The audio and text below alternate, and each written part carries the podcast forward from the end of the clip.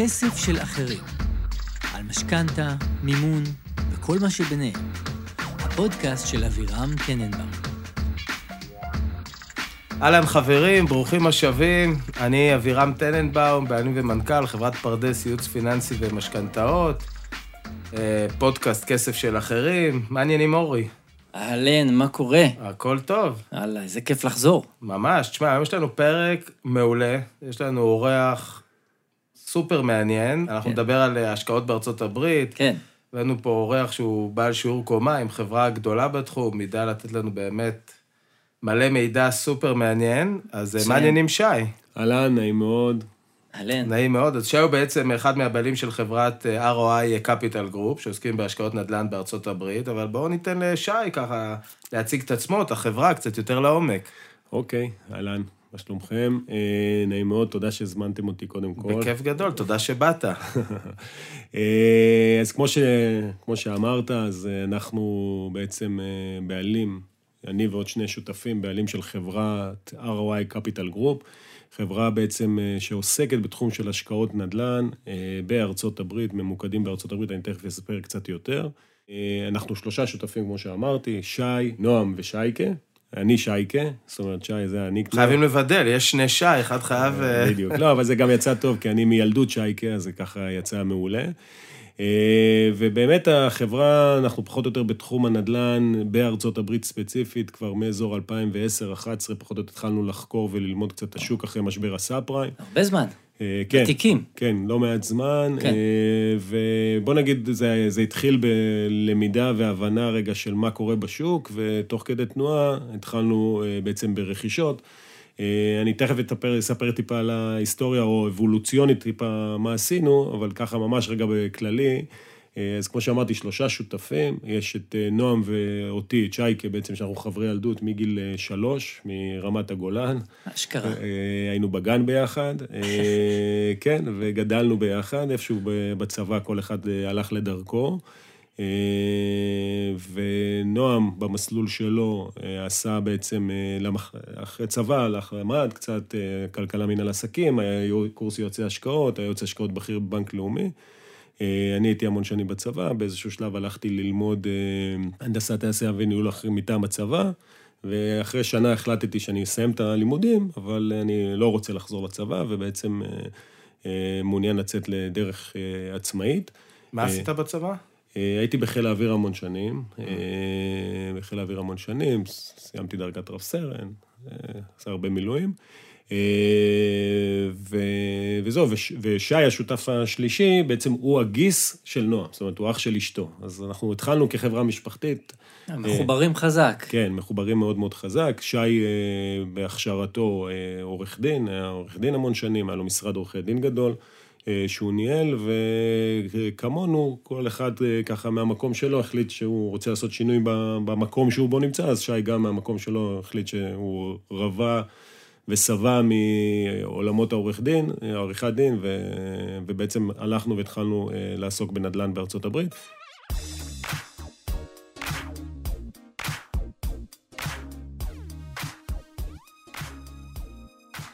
כשהתחלנו זה היה אחרי הסאב פריים, התחלנו בעיקר בעולמות של אה, בתים פרטיים, מה שנקרא בארצות הברית single homes, באזור שהוא בפלורידה, באזור Broward County, שזה בעצם מחוז בתוך פלורידה שהוא אה, באזור פורט לודרדל, אה, ושם בעצם התחלנו אה, אה, להסתכל וללמוד את השוק. קנינו בית פרטי ראשון, זה היה אחרי הסאב פריים, המחירים ירדו שם במחירים מטורפים, כן, כאילו ירדו... רצפה ממש. היו כמעט 70 אחוז מתחת למחיר וואו. השוק. יאללה. אה, ואתה קונה את זה, ועכשיו אתה בא ובעצם השלב של הבתים, מה שקרה בסדר שלהם, הרי מה שקרה בסאב פריים, בעצם בנקים התחילו לקחת אותם סוג של כינוס נכסים, מה שאנחנו מכירים בארץ, ואז היה הרבה תהליכים משפטיים. ומה שקורה, שבעצם אה, אנחנו בהחלטה שלנו קיבלנו החלטה לקנות אותם ב foreclosure, ש foreclosure זה אומר בסוף תהליך הכינוס בעצם, אז אתה כבר מקבל את הנכס והוא שלך. מה שזה עושה, זה בעצם מצמצם לך את הסיכונים ואת הפוטנציאל, אה, מישהו שיבוא ויגיד לך, רגע, אה, זה שלי, אתה קונה את זה ישירות מהבנק, מקבל את זה, בעצם שלך, צא לדרך, תעשה עם זה מה שאתה רוצה. ובדרך כלל הבתים אחרי שנה, שנתיים, שלוש נטושים, הרוסים, שבורים, כן. שזה, שזה מעולה, כי זה בעצם הפוטנציאל השבחה שלך. היינו קונים אותם, משפצים אותם, ואז בעצם משכירים אותם. עכשיו, שוק ההשכרה גם היה באיזה סוג של מיתון, אני מזכיר אחרי 2008, היה, כל העולם היה באיזה סוג של מיתון, והמחירים באמת גם בעולם של ההשכרות ירדו, אבל הם לא ירדו בצורה אקוויוולנטית למחירים של ה, של ה, בעצם של, של הדירות, הרכישה. של הרכישה. אה, ומה שזה ייצר בעצם, אה, תשואות מטורפות, ממש. כן. תשואות כן. פנומנליות של, שלא נתפסות בכלל, שאתה מדבר עליהן. מה, תן לנו מספר. 20 אחוז תשואה, 22 אחוז תשואה. וואו. בלי מימון בנקאי, זאת אומרת, על הכסף. אתה מביא כסף, כי גם לא היה אפשרות להביא מימון באותה תקופה, כי זה לא היה רלוונטי, כי משם נולד המשבר מהמימון הבנקאי המטורף נכון, שהיה. כן. אה, וזהו, ואז בעצם קנינו בית ראשון, בית שני, בית שלישי, בית רביעי, ואז לאט לאט תוך כדי אנחנו מבינים שאנחנו יודעים ומכירים את השוק האמריקאי, בונים מה שנקרא את התשתיות שלנו ואת ה, את ה, את הנוכחות שלנו שם, ובמקביל, אה, Friends and Family מתחילים, אה, אתה קונה בארצות הברית, אני גם רוצה להשקיע, אני גם רוצה להשקיע. כן. מה, מה אתה אומר? אתה בא למילואים, אז החבר אומר לך, מה, אתה משקיע בארצות הברית, יש לי כסף, אני גם רוצה, ואז אמרנו, אוקיי, יש ביקוש כזה גדול, לנו כבר יש את הנוכחות שם, בואו נייצר פלטפורמה שעוזרת לאנשים בעצם להשקיע בארצות הברית, שאנחנו מנהלים להם את כל, ה, את כל האופרציה ואת כל הדברים. ובעצם ככה זה התחיל. ואז הקמנו את ROI, אה, וכמו שאמרתי, בעצם בן אדם, סתם אווירה, יש לך 100 אלף דולר שאתה רוצה להשקיע, אז אתה מביא את ה-100 אלף דולר, אנחנו קונים לך בית, מטפלים בכל האופרציה, קונים אותו, משפצים אותו, משביחים אותו, משכירים אותו. זה אתה מדבר על אז. על אז, כן, על אז. משכירים לך אותו, מנהלים אותו בשוטף, ובעצם יש איזה סוג של חלוקת רווחים בינינו. אה, ש, שבעצם מבוססת על הצלחה. זאת אומרת, אם אנחנו מצליחים לייצר תשואות טובות, יש איזושהי חלוקת רווחים. במידה ולא, אז אין חלוקת רווחים. בסדר? אז אתה בעצם מבין שיש פה איזה סוג של אינטרס משותף, ש, שאנחנו... אה, מושקעים בסיכון. בדיוק. זה בעצם אנחנו, אה, כי הרבה מאוד פעמים אתה רואה ש... שלא משנה מה, היזם יוצא לו להרוויח. לא משנה, העסקה הולכת, לא הולכת, היזם מרוויח. ומראש אנחנו, מההתחלה, ודרך אגב גם היום, הרווחים שלנו כיזמים הם מבוססים על הצלחה. זאת אומרת, במידה ואנחנו הצלחנו והבאנו את המשקעה, הבאנו את הצ'ק, אז, אז, אז אנחנו בעצם מתוגמלים בהתאם. אה, זהו, ואז בעצם הלכנו, וזה הלך והתפתח, עוד חבר, מאוד חבר מביא חבר, ומשפחה וכולי וכולי. כן. והמשכנו לקנות עוד בתים פרטיים. אה, נקודת ציון מאוד מאוד חשובה, שבדרך זה בעצם אחרי 50 בתים בערך שקנינו, פתחנו חברת ניהול מקומית בארצות הברית, שזה מבחינתנו גם היה סוג של Game Changer.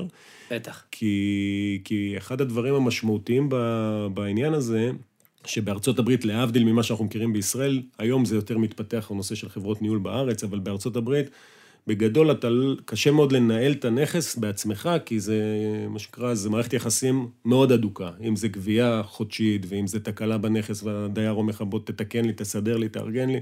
בעצם יש פה ממש מערכת שלמה של מערכת יחסים בין דייר לבעל בית. לא כמו בארץ, אתה מנסה שזה יהיה שגר ושכח ככל הניתן. בדיוק. בארץ אתה משכיר דירה, 12 צ'קים, נדבר בעוד שנה במקרה הטוב, כן. מעריכים חוזה, שלח לי עוד 12 צ'קים ואתה ממשיך עוד שנה. כן. זה ממש לא ככה שם, שם זה ממש, אני לא אגיד יומיומי, אבל ברמה השבועית, בטח החודשית, יש התעסקות עם הדיירים. ומה שזה אומר, שבעצם יש חברת ניהול שצריכה לנהל את זה. אז עד אותה נקודה היינו מנהלים עם חברת ניהול צד ג', שזה היה מצוין לאותה תקופה. אבל באיזשהו שלב אתה מבין שבטח אם אתה מבוסס על רווחיות ואתה רוצה לייצר ביצועים כמה שיותר טובים למשקיעים שלך, קודם כל שיהיו מרוצים, ואז גם כשאתה כיזם תרוויח, כן. אז אתה חייב להיות רזה כמה שיותר בהוצאות ולהיות כמה שיותר רווחי בהכנסות שלך. וכמה ו... שיותר hands on על הביצועים. זה חד משמעית, וברגע שאתה בעצם מנהל את הנכסים שלך, ואתה מנהל את הנכסים שלך ואת רק את שלך גם, שזה גם נקודה חשובה, אז זה, זה, זה משנה את כל התמונה, כי אין מה לעשות, כשאני מנהל... אה, שאני נותן 50 נכסים שלי לחברת ניהול שמנהלת 10,000 נכסים, אז אני 50 מתוך 10,000, אבל כשאני מנהל את ה-50 שלי, ורק את שלי, וגם לא מנהל לאף אחד אחר שרוצה שאני אנהל, אז הפוקוס והמיקוד הוא הרבה יותר ברור.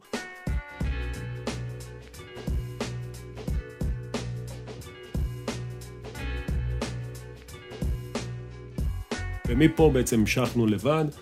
עד סוף 2015 קנינו רק בתים פרטיים.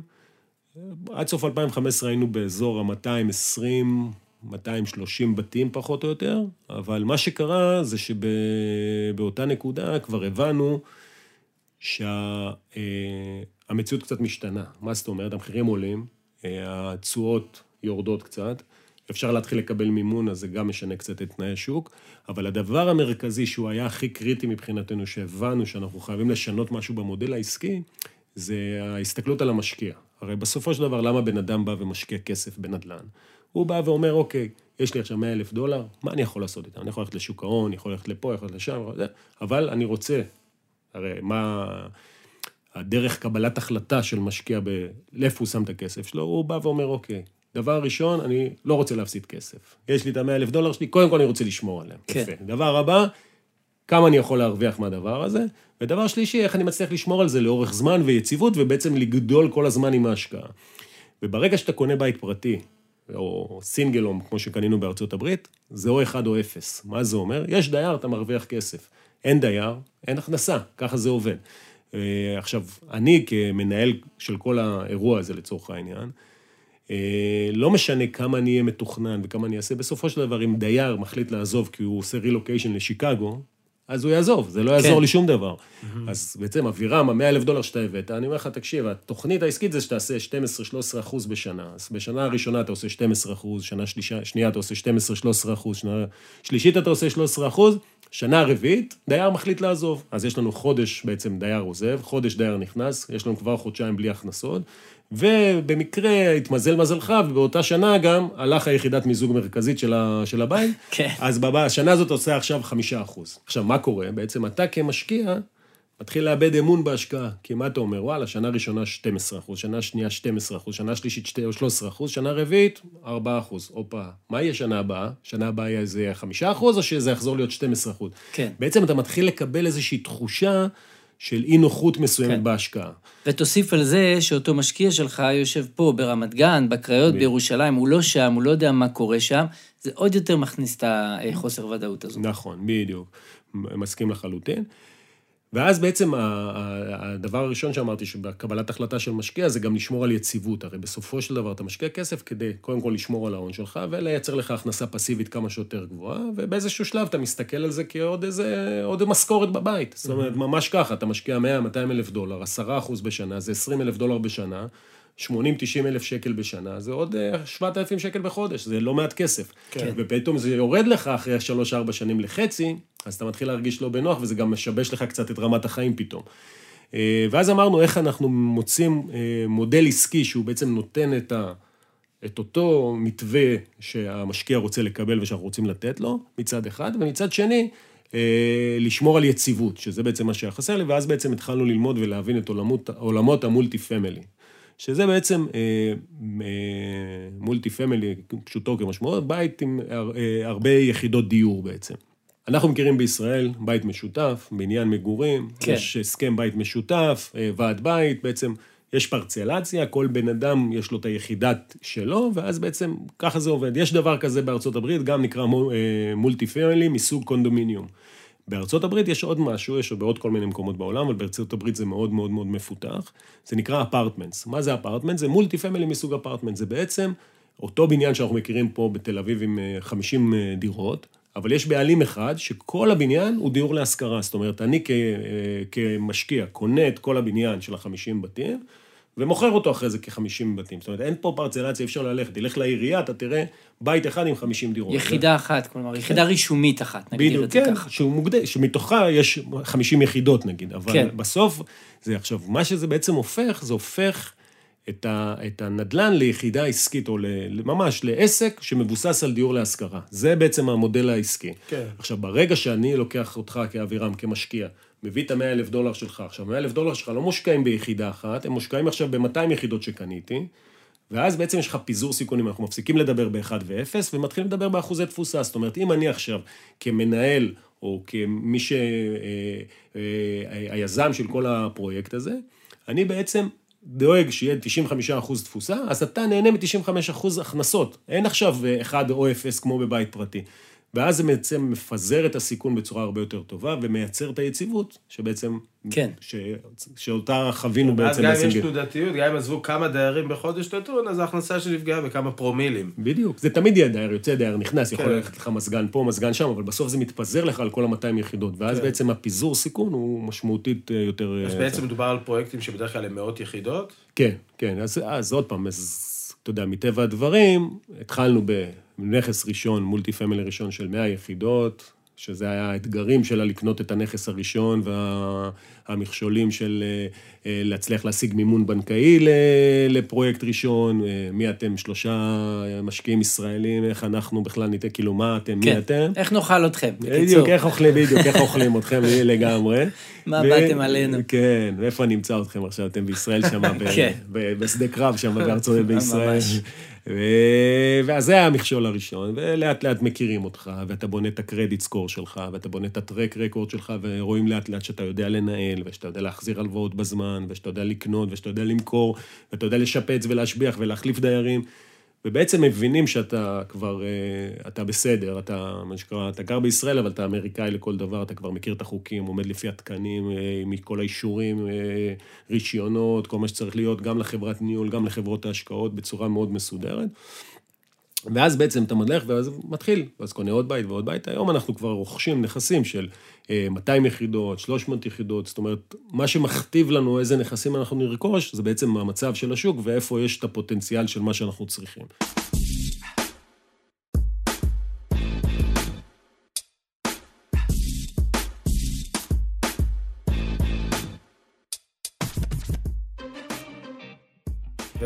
ומבחינת אה, התמחות גיאוגרפית, אנחנו מתמקדים בעיקר בפלורידה, זאת אומרת שזה גם אה, אה, בעולם הנדל"ן, בטח בעולם העסקים, בכל דבר, ואנחנו רואים את זה גם בבית, בכל מקום, המיקוד והפוקוס הוא סופר קריטי, בסדר? ואין מה לעשות, אנחנו כן. נדל"ן כבר כל כך הרבה שנים, תמיד מגיעות הצעות, מגיעות מדינות חדשות שבודקים, בואו תסתכלו פה, תראו כאן, יש פה נדל"ן, יש פה פוטנציאל. אנחנו בהחלטה מאוד מאוד אה, מושכלת, קיבלנו החלטה להישאר בפלורידה, להתמקד במה שאנחנו יודעים ומה שאנחנו יודעים טוב, ואני מניח שגם בשנים הקרובות נישאר שם, מה גם שהשוק שם הוא מצוין. יכול להיות שעוד כמה שנים אנחנו נבוא ונגיד, אוקיי, אנחנו מרגישים שאנחנו מספיק טובים, חזקים באזור הזה, ואנחנו יכולים ללכת ולפתוח עוד מדינה מבחינתנו, אז אנחנו נלך ונפתח עוד מדינה. כן. אה, נראה לי שחשוב אולי, את, אולי אתה יכול לחדד אותי, אבל למאזינים שפחות בקיאים בארצות הברית, חושבים שזו יחידה אחת, אבל שם כל מדינה זה באמת עולם כן. אחר, מיסים אחרים, רגולציה אחרת, אנשים אחרים. כן. נכון? יש, יש משמעות לדבר שאמרת עכשיו. לגמרי, לגמרי. אז כן. כמו שאתה אומר, באמת, אה, ארצות הברית, אה, ארצות הברית זה כל מיני מדינות, ארצות בתוך ארצות, בתוך כן. היבשת הזאת, שהתאגדו בעצם למדינה אחת, שנקראת אה, United State of America, שזה בעצם איגוד של כל ה-52 מדינות שנמצאות בארצות הברית. אנחנו מתמקדים בפלורידה, שזה בעצם המדינה הכי דרומית, שהתחלנו, כמו שסיפרתי, באיזשהו, אה, בעולם של הסינגלים, אבל ככל שלמדנו את השוק, ומה שאנחנו גם רואים בשנים האחרונות, לאורך כל השנים יש הגירה חיובית תמיד למדינות, אה, קוראים לזה למדינות השמש של ארצות הברית, שזה מדינות שבדרך כלל יש להם שם מזג אוויר יותר נוח, יותר טרופי. בארצות הברית בחורף, בניו יורק ובמדינות צפוניות, קר קר, מוות, כן. מוות, כאילו כמו אירופה, ממש, ול- וחלק מהמקומות אפילו יותר. זה יותר, כן. וממש נורא זה, והרבה מאוד, אה, בטח מעגל של אה, גיל שלישי שמאוד התפתח בעולם, ובטח בארצות הברית, רוצים מזג אוויר נוח. נכון שיש לפעמים קצת אולי מונסונים, ויש טיפה גשמים, ויש קצת טרופי, אבל בסוף, המזג האוויר הוא מאוד מאוד נוח, נורא כיף ונעים כן. לחיות בפלורידה. אה, וחוץ מזה, גם בהיבט הרגולציה, בהרבה מאוד אה, דברים, פלורידה היא מאוד מאוד, אה, it's a free country, מה שנקרא, הכל יחסית מאוד משוחרר שם, פתוח, יש חוקים, בגדול אנשים מנהלים את החיים שלהם בצורה מאוד נוחה. ואחד הדברים החזקים שקרו בשנה, שנתיים האחרונות, דרך אגב, הקורונה גם, מה שהיא עשתה, אה, יש מדינות כמו בקליפורניה לצורך העניין, שאנשים ממש אה, חוקים, אנשים לא יצאו מהבתים, מקומות סגורים, אפילו עד היום יש מקומות שלא, שלא לא נפתחו עדיין.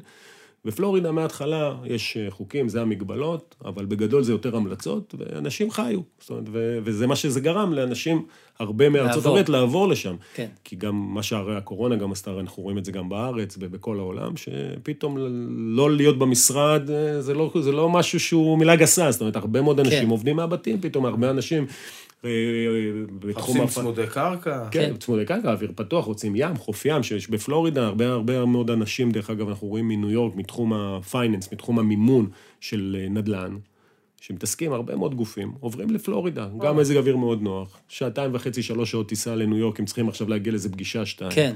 ובעצם זה ייצר הרבה מאוד אה, הגירה חיובית לפלורידה, שלנו בתור, אה, מבחינת ה business, זה מעולה. למה? כי זה מייצר ביקושים, אוכלוסייה גדלה, היצע יחסית נמוך, בסוף השכירויות עולות. אז בעצם, אם אני אסכם עד כאן, אז אנחנו מדברים נכון להיום על אה, פעילות בעולמות ה multi family, אה, רכישה של פרויקטים של כמות נכבדת של יחידות, אפילו ברמת המאות יחידות, ועם התמקדות ספציפית בשוק, בשוק בפלורידה.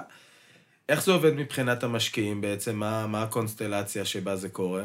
אז אני, אני אסביר, אני אתן רגע עוד שתי נקודות חשובות, כדי שנייה רגע שיבינו, ואז אני אדבר רגע על המשקיעים. קודם כל, אחד, מבחינת פלורידה, גם פלורידה זה מדינה ענקית, כן? זה לא... אנחנו מדברים לפעמים ברזולוציות של מדינת ישראל. כן. אה, אולי אה, פי כמה עשרות ממדינת ישראל. רק מדינה, פלורידה. רק פלורידה. מדינה טוב. מאוד מאוד גדולה, ואנחנו מתמקדים שם באזורים של מה שנקרא central פלורידה, שזה מי שמכיר קצת ומי שלא, אבל בגדול זה ג'קסונוויל, אורלנדו, טמפה, שזה בעצם מרכז פלורידה, ויש לנו גם בפורט לודרדל, שזה שם התחלנו בעולמות הסינגלים, וגם שם יש לנו multi family. Mm-hmm. זאת אומרת, אנחנו ממוקדים שם, וזה בעיקרון בארבעה אזורים, אנחנו קוראים לזה ארבעה ריג'נים מרכזיים שאנחנו עובדים שם. אולי יותר מאוחר ניכנס קצת להיבטי ניהול ואופרציה, אז אולי נדבר רגע טיפה לא על הריג'נים האלה, אבל זה פחות או יותר רגע במיקוד על פלורידה. עוד במילה אחת קטנה, אה, מה בעצם האסטרטגיה שאנחנו עושים ב multi family, ואז אני אדבר איך משקיע נכנס בעצם לתמונה. מה שקורה, ב, הרי בסופו של דבר עולם ה multi family, או עולם ה apartments, בואו נהיה יותר ממוקדים, הוא אה, תעשייה מאוד מאוד גדולה בארצות הברית. עכשיו, כמו כל דבר בארצות הברית, משהו שהוא מתחיל להיות איזושהי תעשייה, זה הופך להיות תעשייה מטורפת, מסודרת, מאורגנת, עם כן. חוקים, הכל, האמריקאים אלופים בדברים האלה. ועכשיו שצריך להבין, אוכלוסייה של 100 מיליון איש חיה ב apartments בארצות הברית. זאת אומרת, שליש, שליש מאוכלוסיית ארצות הברית. שליש מארצות הברית. חיים ב apartments, למה? כי מה זה apartments? יכולים להבין, אנחנו לא מכירים את זה בארץ, אבל בסופו של דבר זה בעצם, אה, נגיד בפלורידה, מה שאנחנו מתמקדים, זה נקרא garden style, זאת אומרת, זה מתחמים כאלה, כמו אולי המאזינים היותר אה, בוגרים קצת משנות ה-70, 80, עד 90, מכירים את הסדרה שהייתה Melrose Place, שזה בעצם אה, סדרה... אגדה. אגדה. ממש. מתחם מגורים, כן. מה שנקרא community כזה, עם בריכה, חדר כושר, כן. שער סגור, יש בעצם משרד כזה, כמו סוג של מלון, מי שלא מצליח לדמיין, סוג של מלון, אבל אה, דירות לשכירות ארוכת טווח בעצם, כל כן. שנה יש אה, אה, שכירות לשנה בעצם. עכשיו, זה מאוד מאוד מתאים לאופי ולמנטליות האמריקאית, שהם אוהבים את הסרוויס, הם באים, בעצם באים מהעבודה, נכנסים לבית, יש להם בריכה לילדים, יש להם גינת ילדים, גן ילדים כזה, גן, סליחה, גן משחקים לילדים. אה, יש חדר כושר, יש להם אה, משרד שיודע לקבל את ההזמנות מאמזון ואת כל החבילות שמגיעות מהאונליין, ובגדול הם באים, נכנסים הביתה, מזפזפים בשלט, וחיים טובים. כן. כאילו מאוד... חיים את החלום. כן, מאוד מתאים למנטליות. עכשיו, זה, צריך להבין, זה אפרטמנט שנמצא בפלורידה, האפרטמנט שנמצא בשיקגו, עובד באותם דברים. זאת אומרת, בסוף בן אדם עובר לשיקגו, לוקח בגדול את הפקלאות שלו, נוסע לשיקגו, נכנס לאפרטמנט, והוא חי באותו קונספט, אותו דבר. כן. זה מאוד מתאים עכשיו. בעיקרון האמר... התרבות האמריקאית, האמריקאים כ... באופי שלהם, הרבה מאוד אמריקאים לא רוצים לקנות בתים. גם כי הם לא יכולים, הרבה מאוד מעמד הביניים, או ביניים מינוס בארצות הברית הוא מאוד מאוד גדול. אה, ובתרבות שלהם הם מסתכלים על בית כהוצאה, היום הוא לא רוצה להתחייב למשכנתה, לדברים כאלה, הוא בא, אומר, אני היום גר פה, מחר אני אגור שם. כן. גם תרבותית, הם זזים כן. בין מדינות, נכון. לפי עבודה, אין להם נכון. את החסמים האלה. מלא, אין, נכון. וגם זה לא... זה גם לא כמו בארץ, אתה יודע, בארץ אנחנו רוצים להיות ליד המשפחה, אני לא אעזוב עכשיו לארצות הברית, כי אני רוצה שיהיה ליד המשפחה, אני אהיה קרוב, אני יכול להיות בחגים ובזה.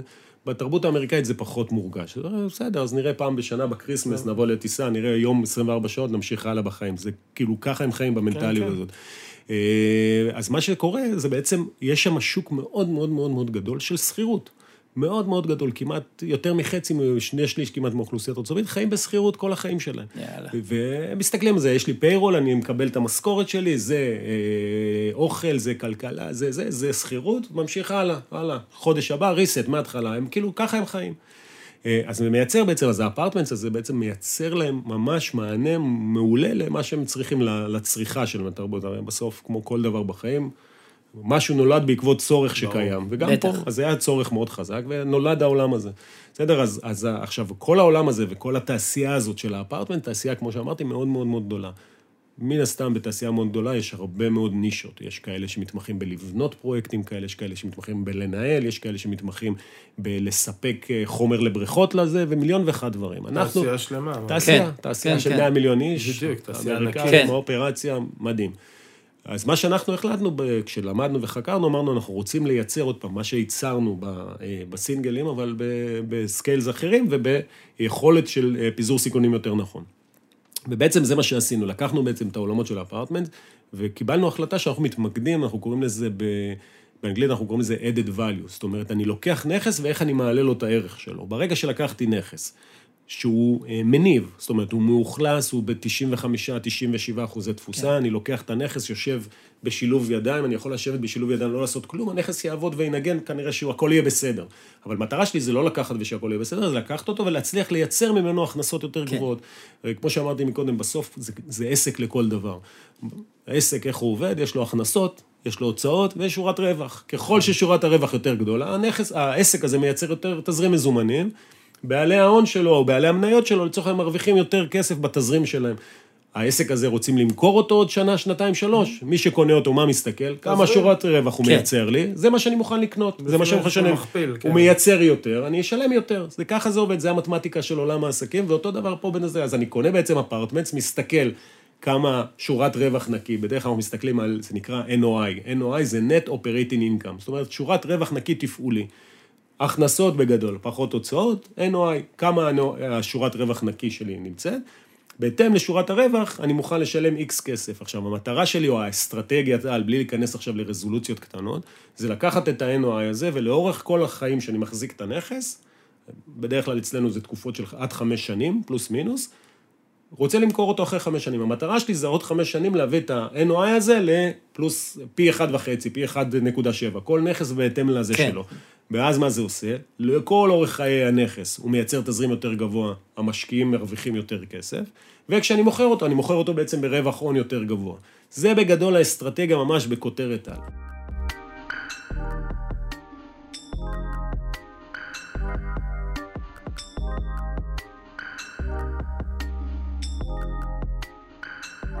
עכשיו, איך אני משיג את ה-added value הזה? כי זה בעצם ה... כן. כל, ה... כל הביזנס, זה בעצם למצוא... זה ה ticket, זה ה ticket של הביזנס. כן. בדיוק, איך אני מוצא, איך לצורך העניין, אה, אנחנו ברמה שלנו, של, ה, של החברה, אנחנו שלושה שותפים, נועם אחראי על הנושא של למצוא עסקאות טובות ולהתאים להם למימון, בעצם לסגור את כל העסקה. אני אחראי על כל הצד של להלביש equity נכון, או להלביש הון, או ממשקיעים, כל מיני גופים שאנחנו עובדים איתם בעצם, אה, משקיעים פרטיים וגופים שאנחנו עובדים איתם בהשקעות. ושי אחראי על כל הצד של האופרציה בעצם, שהוא אחראי על כל, ממש להוציא לפועל, רכשנו עסקה, סגרנו אותה, יש כסף, רוכשים אותה, היא בעצם עוברת לשי, ושי עם כל האופרציה, גם בתחום של הניהול השוטף וגם בתחום של ההשבחה, מריץ את, ה, מריץ את הפרויקט בהתאם לתוכניות העסקיות ובעצם למה שבנינו. בעצם כשנועם מחפש עסקה, מה שמעניין אותו זה לראות איפה אני יכול להשיג את ה-added value, איך אני יכול להעלות את הערך, בעצם להגדיל את ה-NOI. איזה נכס אפשר בעצם פוטנציאלית להשביח יותר? בדיוק. בעניין? עכשיו, כן. ההשבחה הזאת, או ההגדלה של ה-NOI, מגיעה בעיקרון משני ערוצים עיקריים. ערוץ אחד זה השבחה, בעצם שיפוץ, לקנות נכס משנות ה-70, 80, 90, לקחת אותו ולשפץ אותו, להביא אותו הכי קרוב לנכס חדש שיש היום בשוק. ואז מה שקורה, דייר יצא, שיפצתי את היחידה, ואז אני מבקש על השכר דירה יותר אבל זה גבוה. רק על בסיס דיירים שעוזבים, או שאתה יכול גם לעלות לדיירים קיימים? לא, אני, זה רק על בסיס דיירים עוזבים. החוזים ב apartments הם תמיד חוזים כל שנה. אה, אז אתה יודע שכאילו יש לך flow של עד שנה ותוכל ליהנות מה... מההחזר על ההשקעה בשיפוץ. לגמרי. כי מה אני עושה? אני, כשאני עוד קונה את הנכס, לפני שאני קונה את הנכס, לפני שאני מקבל מה שנקרא את אתה המפתחות, מסתכל על התאריכי אני. רואה את כל הרנטרול, מסתכל קדימה, ואנחנו כבר מראש נכנסים למה שנקרא להשתלטות, סלחו לי על הביטויים הצבאיים, זה קצת מהזה, משתלטים על גם הנכס. בבורסה יש השתלטות. אז, לגמרי. אז, אז כשמשתלטים על הנכס, אנחנו כבר יודעים, יש לנו תוכנית שנה קדימה, מה- כמה יחידות מתפנות כל חודש, ואנחנו מנהלים את זה גם, כי אתה רוצה לווסת את זה נכון, כי אתה גם לא רוצה להגיע למצב, סתם דוגמה, ביולי-אוגוסט יש הרבה תחלופה של דיירים, כן. שפתאום תהיה עם איזה 30 אחוז, 30 אחוז מהבתים ריקים. אז אתה לא רוצה, כי גם פה אתה צריך תמיד לשמור על אה, בלנס נכון. אה, בין אה, אה, יחידות שאתה רוצה לשפץ לבין אחוזי תפוסה, כי זה בסוף, כן. זה המשחק. אה, בעצם את השיפוץ כל פעם עושים בין סוחרים? כן. דייר. יוצא, כן. מכניס, עושה שיפוץ של היחידות הפנימיות, דרך אגב, כי יש גם שיפוץ חיצוני. אז כל הנושא הזה, זה הערוץ אחד, הערוץ של ההשבחה, של היחידות הפנימיות והחיצוני, שזה אם לשפץ את הבריכה, לפעמים אתה קונה נכסים, אין בהם חדר כושר, היום אין דבר כזה נכס בלי חדר כושר, אז בונים חדר כושר. אה, אה, גינת כלבים. היום כמעט כל בן אדם שני, יש לו חיית מחמד לפחות אחת. אז אתה עושה להם גינת כלבים, אז זה, זה ברביקיו אריה מאוד מתאים ל...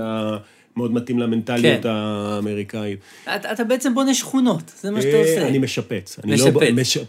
זה, זה, זה, מש- זה משדרג, הבדל, זה משפץ הבדל, שמשדרג. זה הבדל מאוד מאוד מאוד משמעותי, נכון, בסדר? נכון. בהיבט הניהול סיכונים, אנחנו נדבר אחרי זה קצת על ניהול סיכונים, אבל זה הבדל מאוד משמעותי. אז, אה, אז אני אומר, זה ערוץ אחד. הערוץ השני זה under management, אנחנו קוראים לזה, בעצם ניהול בחסר. כמו כל דבר בחיים, גם אפילו את הזוגיות שלך בבית וגם את הילדים, איך שאתה מנהל את זה, ככה אתה מקבל, זה מה שהם מקבלים.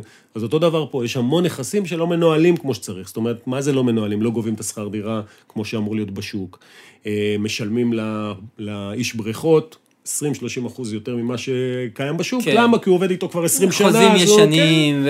אז עכשיו שאתה בא ובתור מנהל מקצועי מסתכל על הנכס, רואה את הדוחות שלו, אומר, אוקיי, פה אני יכול לעשות ככה, פה אני יכול לעשות ככה. השכר דירה הממוצע בשוק הוא כזה, המחירים עולים, נגיד סתם בשנה האחרונה, מחירי שכירויות בפלורידה טסו בכמעט 15-20 אחוז. אז אם אתה לא מעלה את זה נכון ואתה לא מותאם לשוק, אז, אז, אז אתה מאבד פה, כן. מה שנקרא, מאבד כסף שנמצא על הרצפה שאתה יכול לגבות אותו. סתם לדוגמה, אנחנו בחלק מהניהול שלנו, בסדר, חלק מהניהול השוטף שלנו, יש לנו גוף אצלנו במטה, שנקרא אה, asset management, שמה שהוא עושה, חלק מהדברים שהוא עושה, הוא גם דואג כל הזמן לבדוק את השכירויות שיש לנו בכל נכס, בכל אזור, מה השכירויות שקיימות בשוק, ממש ברמה של כל שבוע בודק מה המצב בכל... וכל שבוע, שבועיים אנחנו מעלים את השכר דירה ליחידות ריקות. עכשיו, לפעמים אתה מעלה את זה בחמישה דולר, בתשעה דולר, שזה כאילו, מה, אתה מעלה לי את זה? זניח. זה כן, זניח. אבל במספרים של 400 יחידות, זה המון כן. כסף. זה כסף. זה המון כסף, שאיך אה, נועם, השותף שלי, אוהב לקרוא לזה, זה הדובדבן של הקצפת, כי הוא תמיד נמצא שם, כי ההוצאות הן תמיד המוצאות. נכון. זה, בעצם זה, זה, זה בגדול האסטרטגיה, ולשם בעצם ככה אנחנו מעלים את ה-NOI. בגדול, את, הרווח הנקי, אתה הולך ומעלה אותו בסדר גודל של שנה וחצי, תוך שנה וחצי אתה מגיע לאופטימיזציה, בעצם לנקודה שבה אתה אומר, זה האופטימום לנכס הזה, בתקופה הזאת, בזמן הזה, כן. באזור הזה. התחלף מחזור שלם של סוחרים, בדיוק, החלפת, החלפת דיירים, בדרך כלל אתה גם מחליף דיירים, אתה מלא שכר דירה, מביא דיירים יותר טובים, שיכולים הספקת לשלם. לשפץ בין לבין, עשית את כל מה. שרצית, אחרי שנה וחצי. אתה כבר איפה שרצית להיות. בדיוק. כן. ועכשיו אתה בעצם ממשיך לשייט עם הנכס, אני קורא לזה, עוד שנתיים, שלוש, כן. ואז מחליף, אה, מוכר אותו, או שמחזיק אותו עוד כמה שנים. אגב, אם הוא, הבאת אותו כבר לתשואה יפה, למה למכור בעצם? אה, קודם כל, כי מיצית את בשביל הפוטנציאל. ה-cash out כאילו? קודם כל, ה-cash out הוא מאוד חשוב, בעצם אה, משקיעים גם מאוד אוהבים לראות את הסגירת מעגל. זאת אומרת שהם בעצם סגרו כן. מעגל וקיבלו את הרווחים. גם. תשואה, גם ההון חזר. גם ל- חזק, בדיוק. גם, גם החבר'ה האלה של ה-ROI, חבר'ה, הם גם יודעים למכור, הם גם עושים, הם לא רק... כן. זה, זה, זה, זה מהלך, ובהיבט הרגשי גם מאוד חשוב, בסדר? נכון. זה, זה ולא רק הסגר. עוד פעם, אנחנו חוזרים לאותו אה, משקיע שהשקיע בך והוא יושב פה בירושלים. הוא רוצה מתישהו שהכסף יחזור אליו הביתה, זה לא דירה שלידו שהוא משכיר, אלא הוא שלח אותה לארה"ב בתקווה כזה. זה, זה כן, הוא חשוב. רוצה, ו- ואז מה שקורה, בהרבה מאוד מקרים, אתה רואה אותם בעצם קיבלו, ואז עוד לא, כבר מכרנו, הם עוד לא קיבלו את הכסף, יש עוד השקעה, אני רוצה להחזיר את הכסף להשקעה נוספת, כי הוא בעצם כן. סגר מעגל, מרגיש בנוח, רואה זה. כי בסוף, את אותו כסף הוא לא, איפה, מה יקנה, הוא- בית בארץ, הוא לא מייצר תשואות כאלה, הוא לא זה. אז בעצם אה, מה שקורה, זה, זה, זה, זה בדרך כלל, זה, זה בגלל, זה אחת הסיבות שאנחנו מוכרים. ו... וגם, אתה יודע, בסוף יש איזשהו סייקל מסוים של חיי נכס, שאתה כל איזה חמש, שש, שבע שנים, אתה צריך כבר להתחיל לעשות לו רפרש.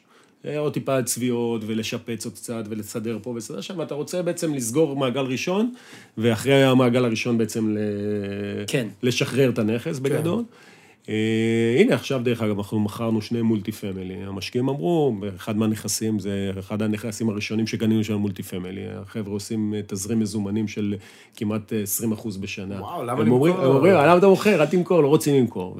אפשר להחליף אה, פשוט חברים ספציפיים בקבוצת הבעלות? לא, כי אז הם- אתה מוכר את זה הם במחיר גבוה, ואז זה כבר הכסף החדש שנכנס, לא כן. עושה את התשואות של הכסף הקודם שנכנס. כן. זאת אומרת, זה לא באמת נכון. אתה... זה או שאתה מוכר או שאתה לא מוכר, זה אין, אין חצי הריון כאילו בדברים האלה. ו... אבל בסדר, אבל זה חשוב, כי גם אותם משקיעים שלא מעוניינים, בסוף הם מבינים גם את החשיבות של סגירת המעגל. אה, יש פה הרבה, הרבה אלמנטים שהם אה, חשובים, גם מבחינת השוק, דרך אגב. אה, אתה בא, אתה קנית, עשית, מכרת, כן. אז השוק רואה את זה, הוא אומר, אוקיי, החבר'ה עושים ככה, זה חלק מהבנייה של הטרק רקורד של, שלנו כקבוצה גם. אתה יודעת. לסמן וי על פרויקטים.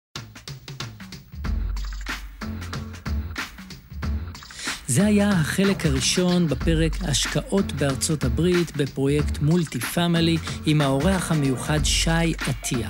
הצטרפו אלינו גם לחלק השני, כאן בפודקאסט של אבירם טננבאום.